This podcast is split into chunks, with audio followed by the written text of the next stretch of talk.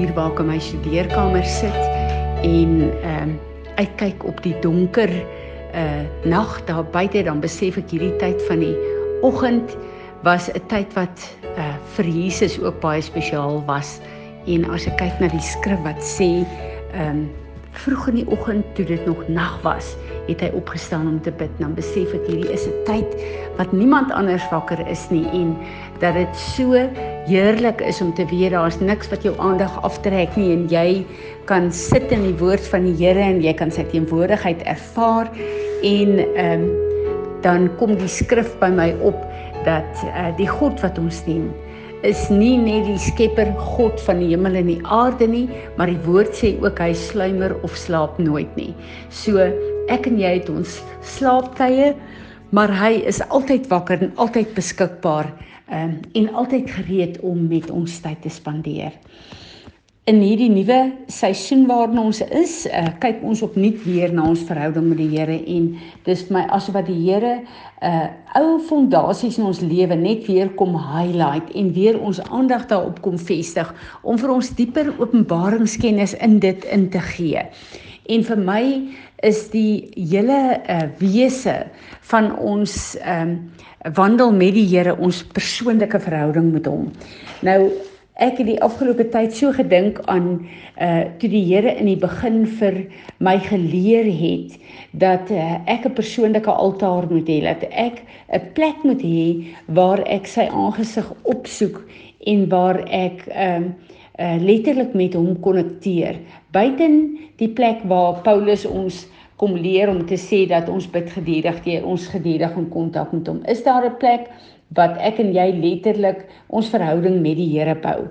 En as ons dan kyk daarna, dan kyk ons na die eerste voorbeeld wat die Here vir ons gegee het wat in die Ou Testament is waar die Here die volk geleer het om altare te bou, om klippe te vat en 'n altaar te bou uh, waar hulle die Here kan ehm uh, dien.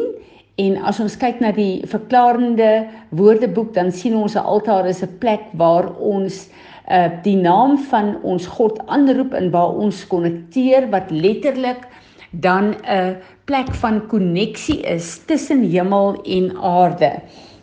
En vir ons uh is dit belangrik uh om te weet dat ons 'n fisiese beeld moet hê daarvan. So as ons dan kyk in die Ou Testament moes hulle klippe gevat het om 'n altaar te bou en is baie interessant ook om te sien dat daai klippe nie gekapte klippe moes gewees het nie uh, wat dan wat dan eintlik ook sê dat 'n uh, altaar, 'n plek van waar ons met die Here konnekteer, is nie 'n plek van mensehande nie. Dis 'n bonatuurlike plek wat die Here vir ons oopmaak. Ehm um, as ons kyk na na ehm um, Johannes uh, 1 vers 14 waar die Here sê hy kom en hy kom tabernakel met ons. Hy het van die begin af 'n begeerte gehad wat hy met ons as mense wil wandel. En ons weet in Genesis het hy in die aandwindjie met Adam en Eva gewandel en uh, ek het al baie gedink as hulle daaraan dink. Uh, nou ons weet dat daai tyd van die van die dag uh, is eintlik oggend in Hebreëse konteks. Maar as ek dink aan wat God moes ge uh, praat het met Adam en Eva. En uh as ons dink hoe hulle hy met hulle gewandel het, het hy sy dag met hulle bespreek en ek glo Adam het sy dag met God bespreek en uh uh die die vrae wat hy gehad het vir God gevra, die ehm um, kwessies wat hy moes hanteer met God bespreek. So ek kan net dink wat 'n wonderlike interaksie was dit uh tussen God en tussen mens gewees. Ehm uh, as ons kyk na die Ou Testament, die eerste ehm uh, voorbeeld wat God die volk gegee het, letterlik om 'n uh, altaar uh, te bou, dan dink ons aan die tabernakel, die tabernakel van Moses, wat dan eintlik 'n struktuur is wat die Here vir die volk sê, dit is hoe julle met my moet 'n uh, 'n uh, kontak maak en hy die tabernakel, die mense wat die tabernakel bestudeer het, ek wil nie eintlik daarop ingaan nie, maar ek wil net sekere goed noem. Weet ons daar's 'n buitehof, daar's 'n binnehof en daar is die allerheiligste. Nou as ons gaan kyk na die verskillende uh skrifte wat daar is, dan weet ons dat dat uh die die uh uh tabernakel wat in 3 dele is, die buite of die binne of die aller uh, heiligste, verteenwoordig ons as mens die siel, die gees en die liggaam ook, nê. Nee. Net soos God 'n Vader, 'n Seun en 'n Heilige Gees is, so hierdie 'n uh, 'n uh, openbaringsplek van van 'n uh, letterlik drie vlakke wat God ons ingeskaap het, maar wat hy homself ook aan ons openbaar. Nou wanneer ons kyk na wat gebeur in hierdie tabernakel, dan kyk ons na die die uh heel eerste die buitehof waar die uh bronsaltaar is.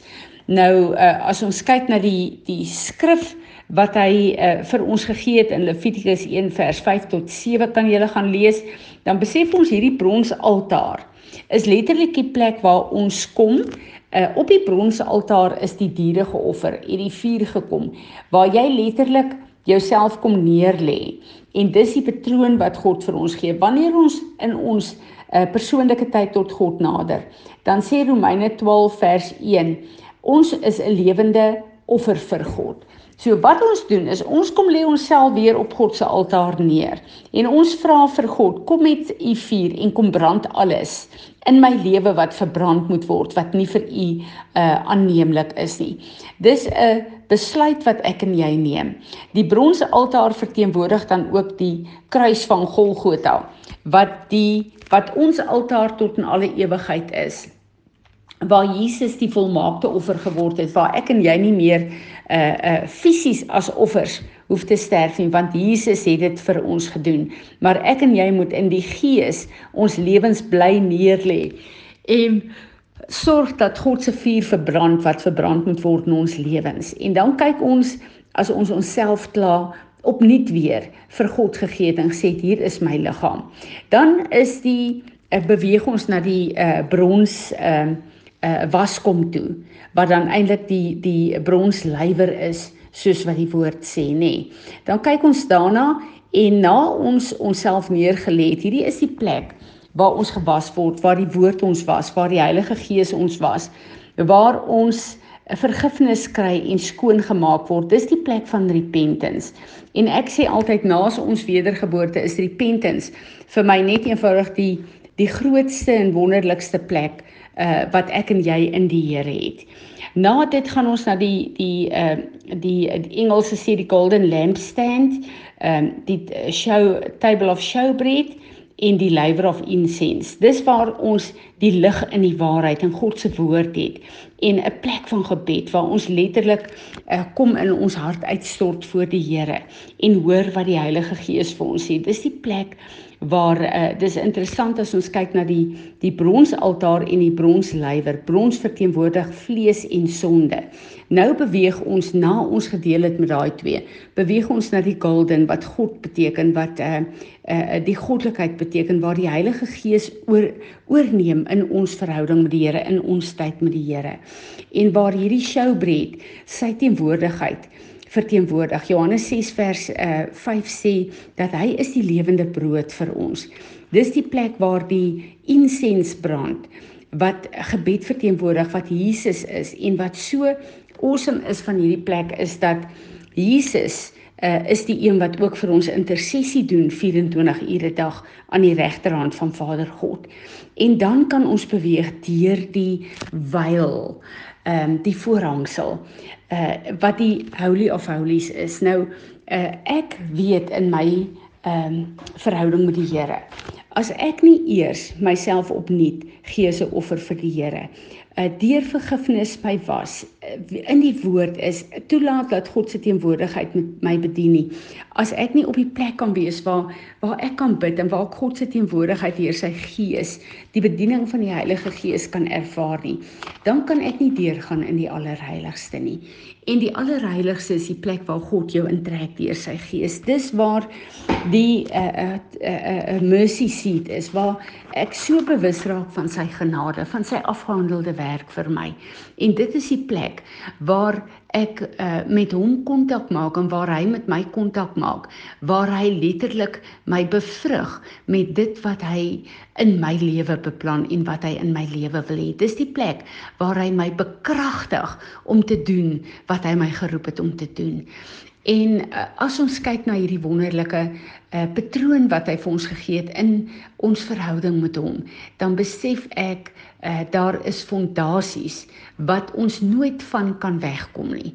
En as ons bly by hierdie fondasies en sorg dat hierdie fondasies op die rots Jesus Christus is, dan kan ons bou en God bou in en deur ons lewe wat hy beplan om te doen.